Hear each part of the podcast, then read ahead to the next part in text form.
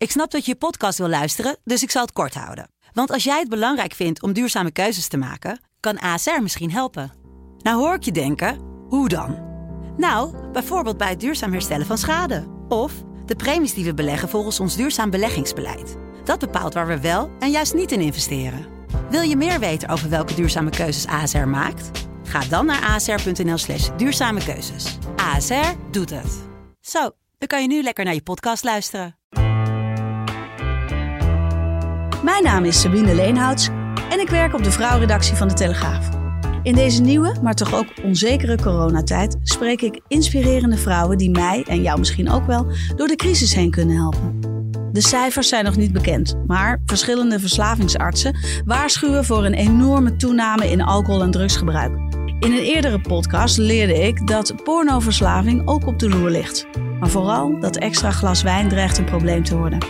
Tijd om daar eens over te praten met herstel- en verslavingscoach Esterelle van Zand. Baby, I'm home again. Dit is Zo doet zij dat. Welkom, Esterelle. Dankjewel. Leuk je hier te hebben. Voor de mensen die jou niet kennen. Eh, jij eh, hebt mij verteld dat je, je hebt vier kids thuis. Eh, Zeker. Je woont eh, in Bussum. En eh, hoe was het eh, voor jullie met dat grote gezin om ineens tot elkaar veroordeeld te worden? Ja, dat was best even met padstelling natuurlijk. eh, van heel veel kinderen lekker uit huis en veel sporten. Vier pubers van 17 tot, tot met 13. Ja. eh, die eigenlijk heel veel uit huis waren. Allemaal naar school. Examen deed er ook één. Die in één keer allemaal thuis zaten. De oudste was geslaagd eh, en had geen doel meer. Dus die Mm. hangt al drie maanden op de bank en in bed. Ja. Eh, dus de eerste week was heel erg wennen. Eh, moest ik ook wel schrikken.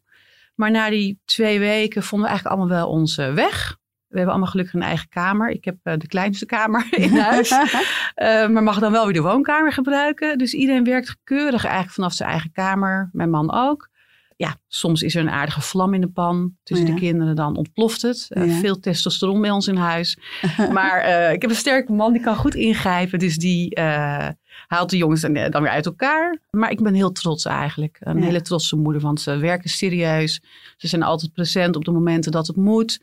Ze doen hun toetsen. ehm, en ik vind het stiekem ook wel ergens lekker om ze om me heen te hebben. Dus het is onze mini-wereld eigenlijk van nu. Ja. Ik merkte zelf dat ik dat heel waardevol vond. Dat Ja. eh, even weer. eh, ik heb natuurlijk ook kinderen die, eh, die het huis uitvliegen zodra dat kan. Een 18-jarige en een 21-jarige. Maar die, dat we even gedwongen werden om, om met elkaar te zitten. En heel veel spelletjes. er staat nu Ja. nog steeds een halve meter bordspellen onder de trap. Omdat we dat de hele tijd samen deden. En dat vond ik ontzettend leuk om weer enorm te verbinden met, met, mijn, met mijn kids. Superleuk. Mijn dochter Ja. maakt ook allemaal hilarische quizzen. Ja. Met de gekste plaatjes, die plukt ze van internet. Oh, echt? En dan moeten ze tussendoor dobbelen. En op allerlei gekke manieren worden punten berekend. Ik verlies altijd. Ja. Want ik denk dat ik win. Maar het is superleuk. En ze worden bewaard in PowerPoint en gaan nooit meer weg. Dus eh, Ja. ja, die Hey, koesteren we. Oh, wat leuk. En ehm, wat ik ook heel leuk vind, jij benaderde mij. Ja. Eh, want wij hebben elkaar nog niet eerder ontmoet. eh, maar jij hoorde de voorgaande Zeker. podcasts. En Ja. eh, je zei, nou, eh, in deze tijden hebben jullie misschien ook wel eens een verslavingscoach of, of een herstelcoach eh, nodig. Want er, eh, er is echt wel eh, wat aan de hand binnen die eh, veilige muren van verschillende huizen. En dat kreeg ik ook wel door. Want eh, mijn eh, collega's op de redactie, als wij dan in Zoom-vergaderingen op de, de donderdagmiddagborrel, zeg maar, deden, dan eh biechte de ene op, eh, nou, dit is al eh, mijn vierde donderdagmiddagborrel deze week. Want op een of andere manier voelt het natuurlijk een beetje als weekend ook, hè, dat thuiswerken. Als je dan klaar bent met werken, dan, eh, Ja. nou, lekker, ik hoef niet te rijden. Ja, Ik er is neem een geen belemmering. Ja, geen, Geen belemmering. belemmering. Jij was van oorsprong econoom. Ja, ben ik nog steeds. Ben je nog ja? steeds, ja. Maar daar, je werkte in het bedrijfsleven, maar je bent anderhalf, twee jaar geleden overgestapt echt naar dat coachwerk, naar, naar Ja. alcohol als coach. Ja, na 25 jaar drukke banen, eh, commerciële banen in het bedrijfsleven, had ik in 2017 een burn-out. Die dwong mij om mijn leven eigenlijk helemaal op de schop te nemen. En toen ging ik ook nadenken over mijn eigen alcoholgebruik. Ik vond dat dat te veel was. Mhm. Ehm, het hinderde mij vaak in, in allerlei dingen. Mhm. Eh, dus er waren genoeg redenen voor mij om daar eens naar te kijken. En ik ben ook een beetje mateloos. Nou, Mm. dat kan ik ook enigszins waarderen. Maar met alcohol is dat niet heel handig. Nee. Dus toen heb ik besloten om te stoppen met alcohol. Ik heb er ook fantastische hulp bij gehad. Ehm, en dat betekende eigenlijk ook wel dat één glas voor mij is geen glas. Dus ik ben een van de mensen die het moeilijk vindt om maar één glas te drinken. Ja. Eh, waar een ander heel goed kan stoppen. Dus gelukkig kunnen de meeste mensen wel lekker stoppen. En eh, ja, voor mij was het best wel een soort van limonade. En ik dacht, ah, één glas, kan nog wel een glas. Nou, en dan is best wel snel een fles leeg. Mhm. Dus in een gezondere levenswijze past het voor mij ook om te stoppen met alcohol. Ja. Ik had inmiddels ook een opleiding, eh was ik mee bezig. Wat ik gedaan tot eh, leefstijlcoach, vitaliteitscoach. Mhm. En ehm, toen dacht ik, die twee kan ik heel mooi met elkaar combineren. Waarom alcohol niet goed past in een gezond leven. Hè, Ja. Er zijn heel veel nadelen. Ik kan een hele waslijst opnoemen. Dus voor mij ging dat heel goed hand in hand samen. Dus toen heb ik besloten om er echt mee te stoppen.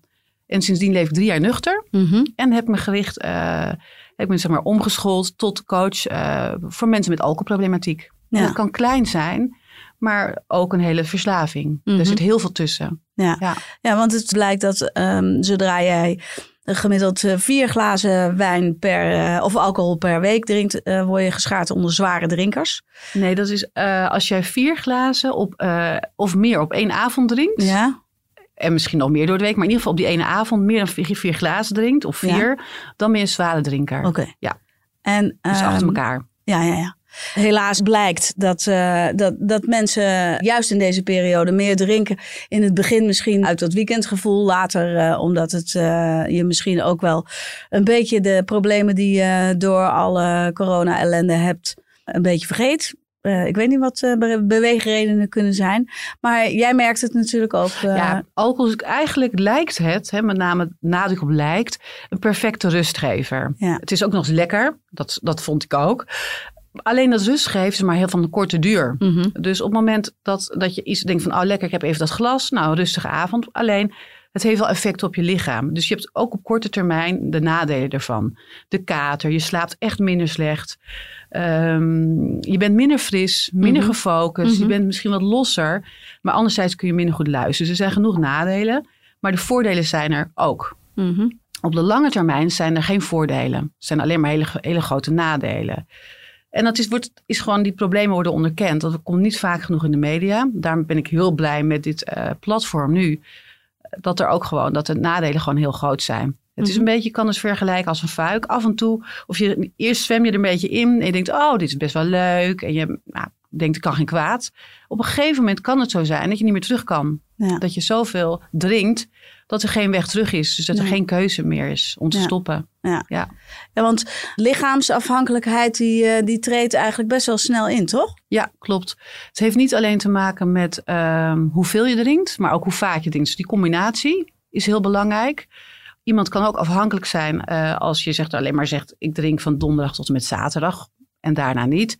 Als je de hele week uitkijkt naar die donderdag, dan is er wel degelijk een afhankelijkheid. Dan heb je ook nog eh, genetisch een eh, factor die heel belangrijk is. Als iemand heel veel eh, of meerdere mm, familieleden heeft die een afhankelijkheid hebben van alcohol of iets anders, heb je ook meer kans. Oké, dus je, die, verslavingsgevoeligheid, die Ja. is genetisch. Kan genetisch zijn. Ja, Ja. in veel gevallen is die genetisch bepaald. Dus het is heel belangrijk dat mensen opletten van oké, je kan best eens een keer een glas wijn nemen, maar doe het niet zomaar. Wees je bewust. En wees, zeg dan ook van tevoren, oké, ik doe er maar één of twee. Ja. En geef jezelf een limiet. Ja. Je grenzen stellen is hier belangrijk bij.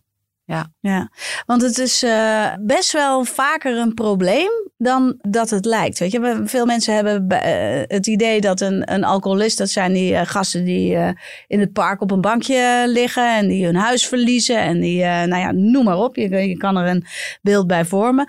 Maar ehm, ja, ik kom, eh, ik kom uit Bergen en eh, daar had je op een gegeven moment het MIP-groepje. Nou, de, de MIP is, een, eh, is zo'n zo'n eh, trendy rozeetje uit de Provence. Precies. En eh, eerst was het alleen op vrijdag, die kwamen bij elkaar en dronken dan alleen dat, dat specifieke drankje.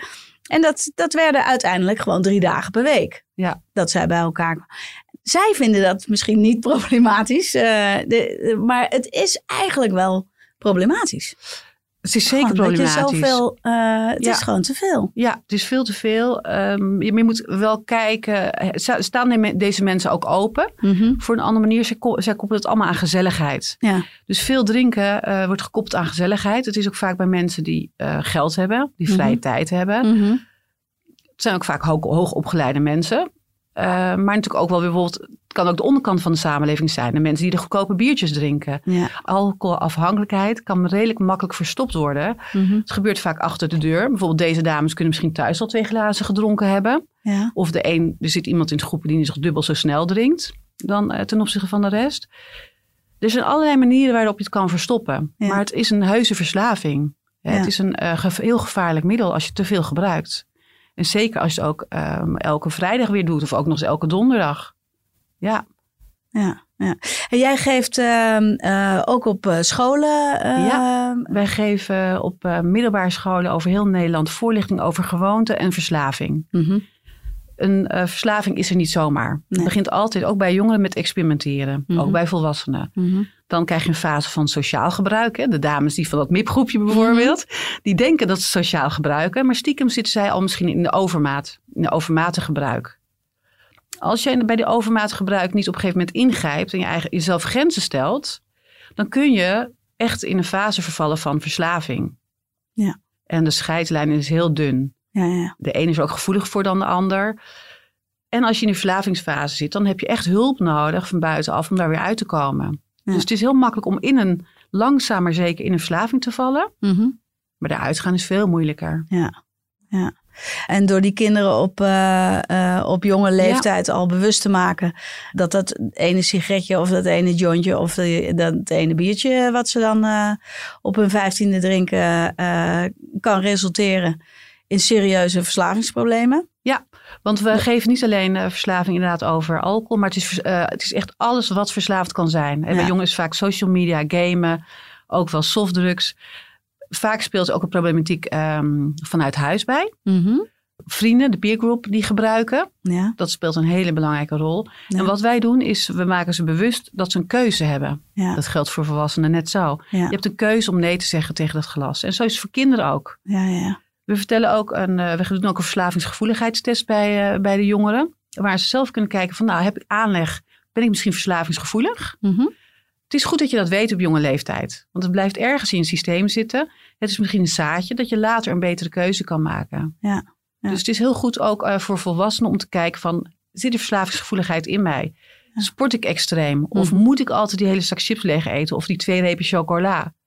Je kan best bij jezelf aanvoelen van... zit er een mateloosheid in me? ja, En dat Ja. betekent dat je misschien op bepaalde momenten... een betere keuze kan maken. ja. Dus voor jongeren is dit een hele gaaf eh, manier Ja. om, men, om veel jongeren te bereiken. En we zien dat er ook eh, ja, dat er heel veel succes is bij de scholen. Veel jongere mensen die benaderen ons ook erna. Mhm. Omdat ze problematiek hebben, maar ook wel gepest worden.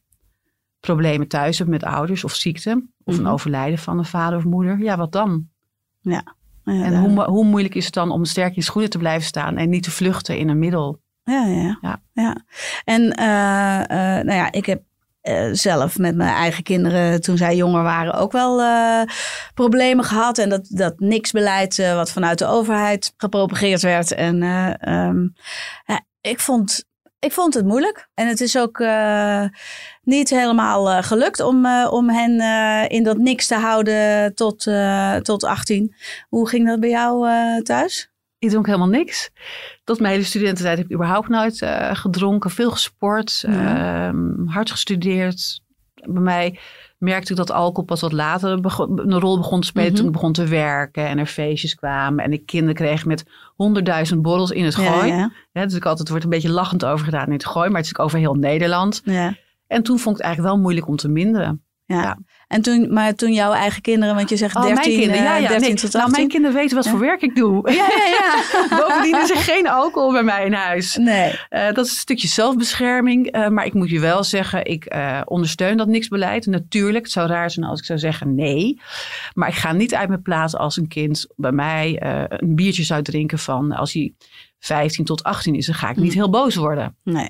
Eh, op het moment dat het een frequ- frequent verhaal wordt, zou ik wel daarmee wat mee gaan doen. Ja, Maar het is, het is ook niet zo dat mijn kinderen van 13 daarnaar op zoek zijn. nee, nee, nee. Dus ik voel, ik voel wat, hoe, hoe, wat leeft er en wat speelt er bij mijn kinderen. Ja, Maar ik ga niet eh, daar eh, als een gek bovenop zitten. nee, nee. Bovendien help ik ook niet, eh, en als je dan professioneel kijkt, is het niet dat ik mensen moet bekeren van de alcohol. Ik help alleen maar mensen die zelf vinden dat ze een probleem hebben. Als nu iemand luistert die inderdaad moet toegeven dat eh, sinds ze zoveel thuis zit eh, en die sociale controle er ook minder is, meer is gaan drinken, hoe, wa- wat zou een eerste stap kunnen zijn? Allereerste stap is kijken van, kan ik minderen of kan ik stoppen? Stoppen zou het beste zijn. Dus niet per se voor altijd, maar Mhm. kies een periode van een week of een paar weken of een maand dat je zegt, oké, ik ga nu niet drinken. Ja. Kan ook een week zijn. Wat voelt goed voor jou? Als je merkt dat dat dus niet lukt, dat je daar echt heel veel moeite mee hebt, ga dan eens praten met een vriendin of je vriend of je man of iemand die je kan vertrouwen. En het liefst ook iemand die niet heel veel drinkt. Zo iemand kan je helpen, ondersteunen in het proces om minder te drinken of om te stoppen. Ja. Als blijkt dat dat ook niet lukt, dan zijn er heel veel professionals eh, in Nederland.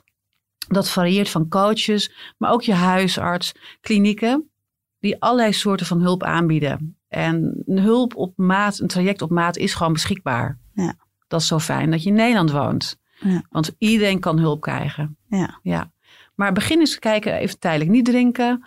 Wat doet dat met je? Schrijf eens de voordelen voor jezelf op van wel drinken, maar ook heel goed de nadelen. Denk daar eens heel goed over na. Ehm, dat kost ook best veel geld, alcohol. Wat kost het jou? Mhm. Hè, want eh, het is op zich niet een heel duur middel. Maar als je voor ze drinkt, kost het wel degelijk veel geld. Ja. Iemand die veel drinkt, die kan makkelijk één of twee keer op vakantie daarvan gaan. Als je dat op een jaar optelt. Ik denk dat dit de belangrijkste tips zijn. Maar praten, openheid, openheid helpt. Want je Ja. hoeft je nooit ergens voor te schamen. Niks is gek. Nee, nee, nee. Nee.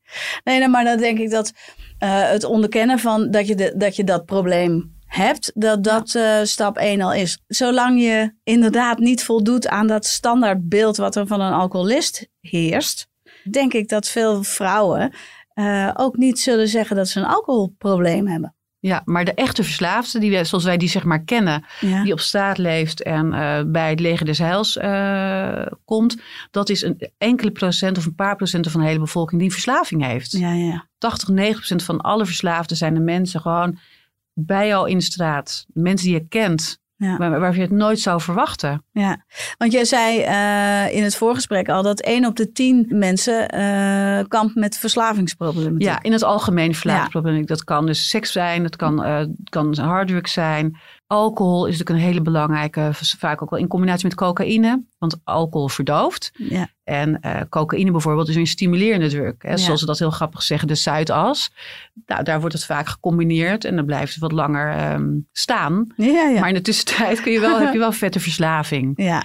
Dus ehm, ja, het zijn allerlei versla soorten verslavingen. En vaak is het ook alweer in combinatie van. Dat Ja. is heel veel. Dat zijn veel mensen in Nederland. ja. Ook steeds jonger. Ja. Gamen is een gigantische verslaving. oké. Hele grote verslaving on- onder jonge mensen. Ja. Wiet, hash, ja, Ja. ook. Ja, ja er, is echt, eh, er is echt wel wat aan de hand, hè? En gelukkig, zeker sinds corona, is er veel meer aandacht voor. Ja, En ik geloof ook echt dat, er, dat het stigma, het taboe op verslaving aan het verdwijnen is. Hè. Bij serieuze media hier, maar ook bij andere media worden er gewoon hele mooie artikelen geschreven, mooie interviews gedaan. ja. Waardoor mensen, voor mijn idee, makkelijker uit die kast komen. Zeker vijf jaar geleden was het echt sociaal onwenselijk om niet te drinken op, eh, als je bij iemand kwam. Ik merk in mijn eigen omgeving nu, eh, mijn eigen vriend drinkt vrijwel niets. Die traint zich eh suf voor een, voor een mountainbike reis die zij binnenkort gaan maken. Dus nou, ik heb in mijn leven nog nooit zoveel eh 0.0'tjes gezien. Ja, het maakt niet meer zoveel uit. Ik, je gaat het steeds meer zien. Hè? Ja. Er is zelfs alcoholvrije gin tonic Ja. bij ons op terras. Maar wat, wat een heel belangrijk onderdeel is, is inderdaad eh, media. Mhm. Voor hulpverlening wordt veel zichtbaarder. Maar het begint bij jezelf. Ja, ja, ik geef aan dat ik niet drink, dan is dat duidelijk voor mensen. Hè? Op het moment dat je zegt, ja, ik weet het niet, misschien toch wel of misschien niet, dan snappen mensen je niet. En dat Nee. ligt niet aan die mensen, het ligt aan jou. Bij mij is het heel duidelijk, ik drink niet meer. Ehm, niet omdat ik het niet lekker vond, maar het, ja, het stoorde mij meer. Mijn, gedrag, eh, mijn gebruik kostte mij meer dan dat het me opleverde. En dat is bij heel veel mensen zo. En ik geloof dat ik eerder een voorbeeld ben daarin. Dat mensen veel respect hebben voor mij. Dat ik het ook volhoud. Want ik, voor mij is het niet moeilijk om vol te houden. Het is gewoon een nieuwe manier van leven. Ja. En drinkt Maar- jouw man ook niet? Nou, mijn man die dronk eigenlijk al bijna niks. Daar had ik wel voordeel aan. Ja. Eh, dus die eh, vond het alleen maar heel fijn. En die, eh, ja, die, die is heel gematigd. En die, ja, die drinkt af en toe een biertje, maar nooit thuis. Of als ik iemand is. Dus dat is fijn. Ja. Hè, maar we hebben gewoon ook geen alcohol meer in huis. Ik vind het fijn om dat niet steeds te hoeven zien. Nee. En ik, ja, ik sta er gewoon ook minder achter. Ja. Ehm, maar het is heel, de, de, de omgeving heeft bij mij fantastisch gereageerd. En hoe duidelijker ik ben, hoe meer ehm, positieve feedback ik dus ook krijg. Ja. Dus ook hier gaat het om grenzen stellen. Durf jij nee te zeggen?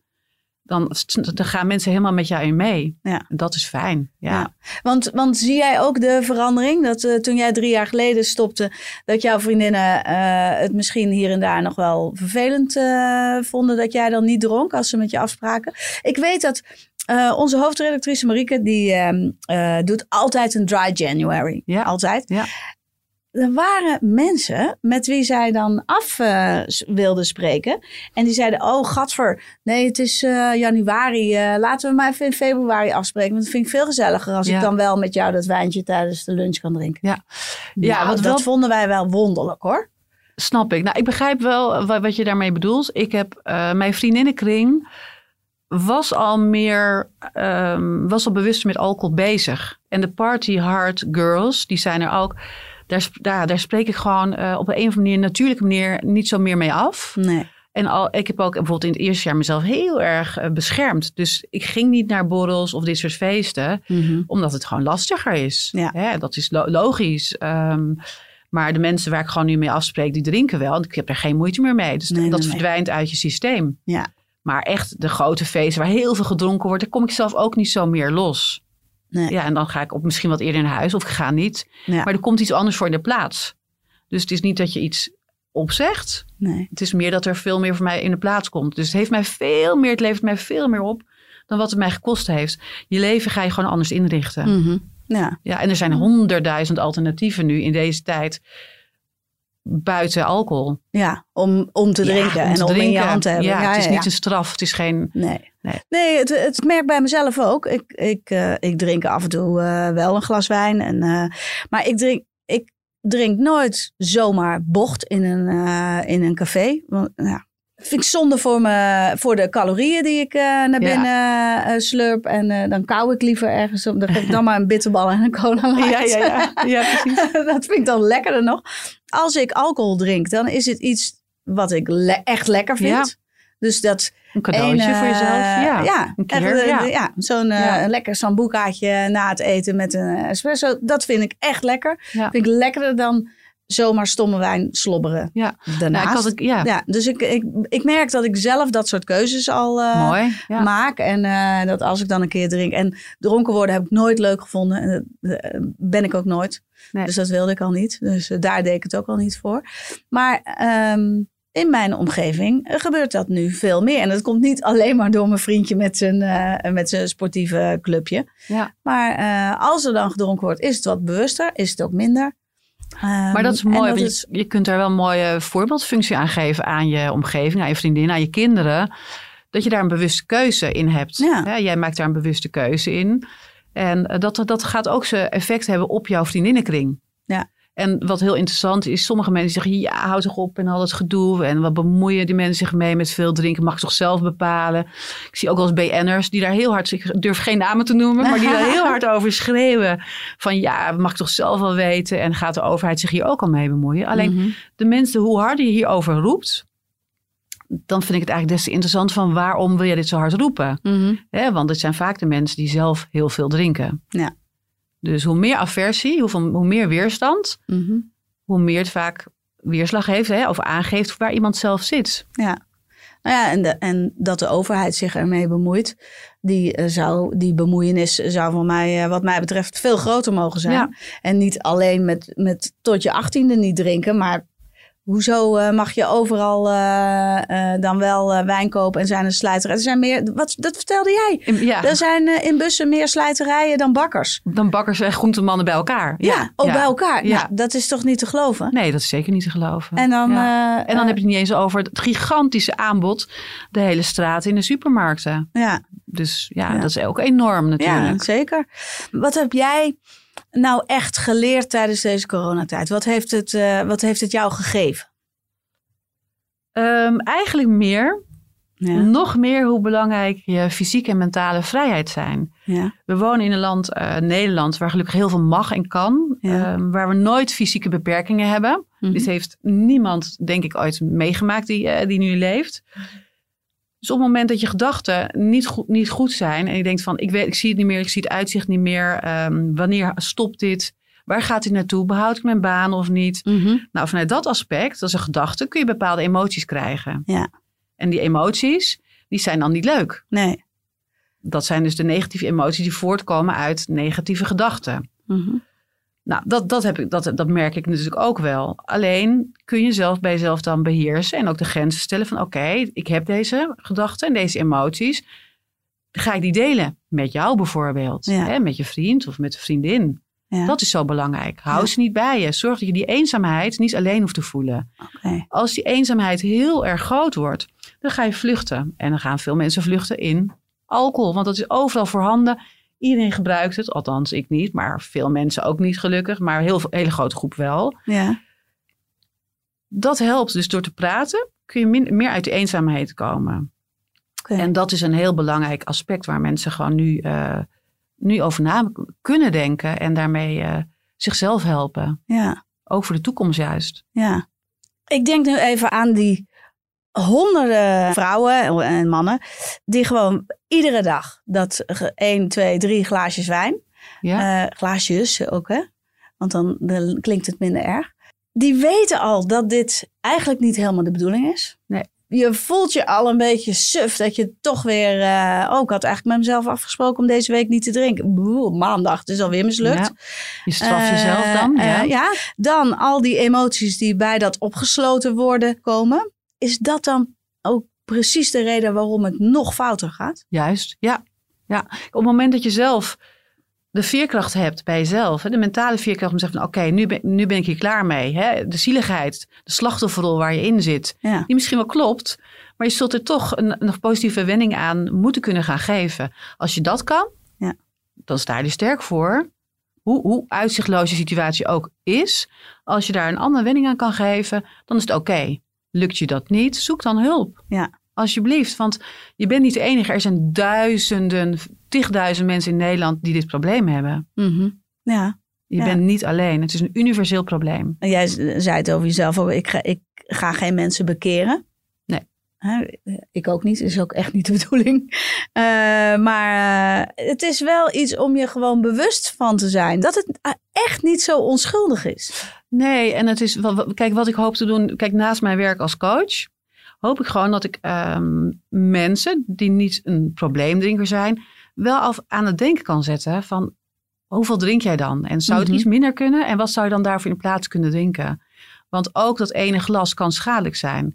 overal waar alcohol langskomt, en dat is nog veel te weinig bekend, dat vind ik echt heel jammer. Dat hoop ik dat dat meer in die out of in die open komt, kan kanker veroorzaken. Mhm. Borstkanker wordt vaak ook veroorzaakt door, vaak niet, lang niet altijd, maar vaak door alcohol. Nou ja, het Dus is het eerste wat je uit je dieet moet schrappen op het moment Juist. dat je de diagnose Juist. krijgt. Ja. Overal waar de alcohol langskomt, kan het kanker veroorzaken. Ja. Hersenschade, hart- en vaatziekten. Dat ene glas rode wijn is al lang bewezen dat het helemaal niet hoeft. Ga een Nee. stukje wandelen, dat is honderd keer beter. Mhm. Dus de enorme gevolgen en gevaren zou ik ook wel wat meer willen meegeven. Dat is mijn missie ook. Aan de mensen die niet te veel drinken. Mhm. Die wat gematigder zijn, maar die denken, nou, het zou toch misschien iets minder kunnen zijn. Ja. Ja. ja.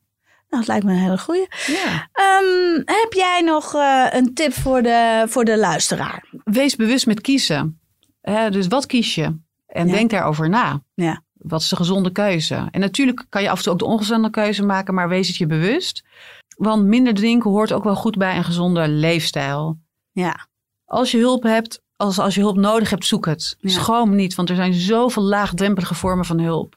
ja, want je hoeft niet meteen naar een Nee, verslavingsarts. joh, nee, toch? nee, nee, helemaal niet. Nee. Helemaal niet. Als je gaat googlen, gaat zoeken, vind je allerlei soorten hulp. En een telefoontje kost je nooit wat. Nee. Met niemand. Want mensen die in de zorg werken of aanverwant aan de zorg, die willen gewoon dat het goed met jou gaat. Ja. Dat is bij iedereen de eerste insteek. Ja.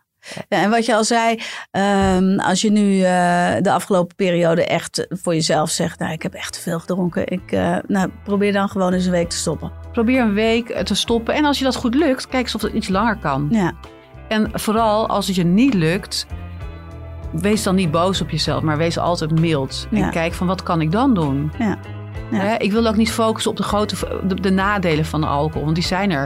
Maar ik Mhm. wil meer focussen op de voordelen van het niet alcohol drinken. Ja, ja, ja. Dat, dat geeft je gezondheid, je lichaam echt een boost. Je, gaat, eh, je huid wordt mooier, je gaat beter ruiken, je haar wordt mooier. Ja, alles wordt beter in je, je lichaam. ja. En het is eh, ook goed voor je weerstand. En dat is dan Absoluut. weer goed eh, tegen corona. Ja, ja zeker. Ja, ja, ja. Dus dat, dat, er zijn veel dingen die, die, die, ja, die kunnen helpen, die Ja. die je gezondheid kunnen ondersteunen daarin. Ja, nou fijn. Ja, Ik, eh, ik heb weer wat van je geleerd. En daar zijn deze gesprekken voor bedoeld. Dus ik ben blij dat je dat kwam heel graag gedaan. Dankjewel.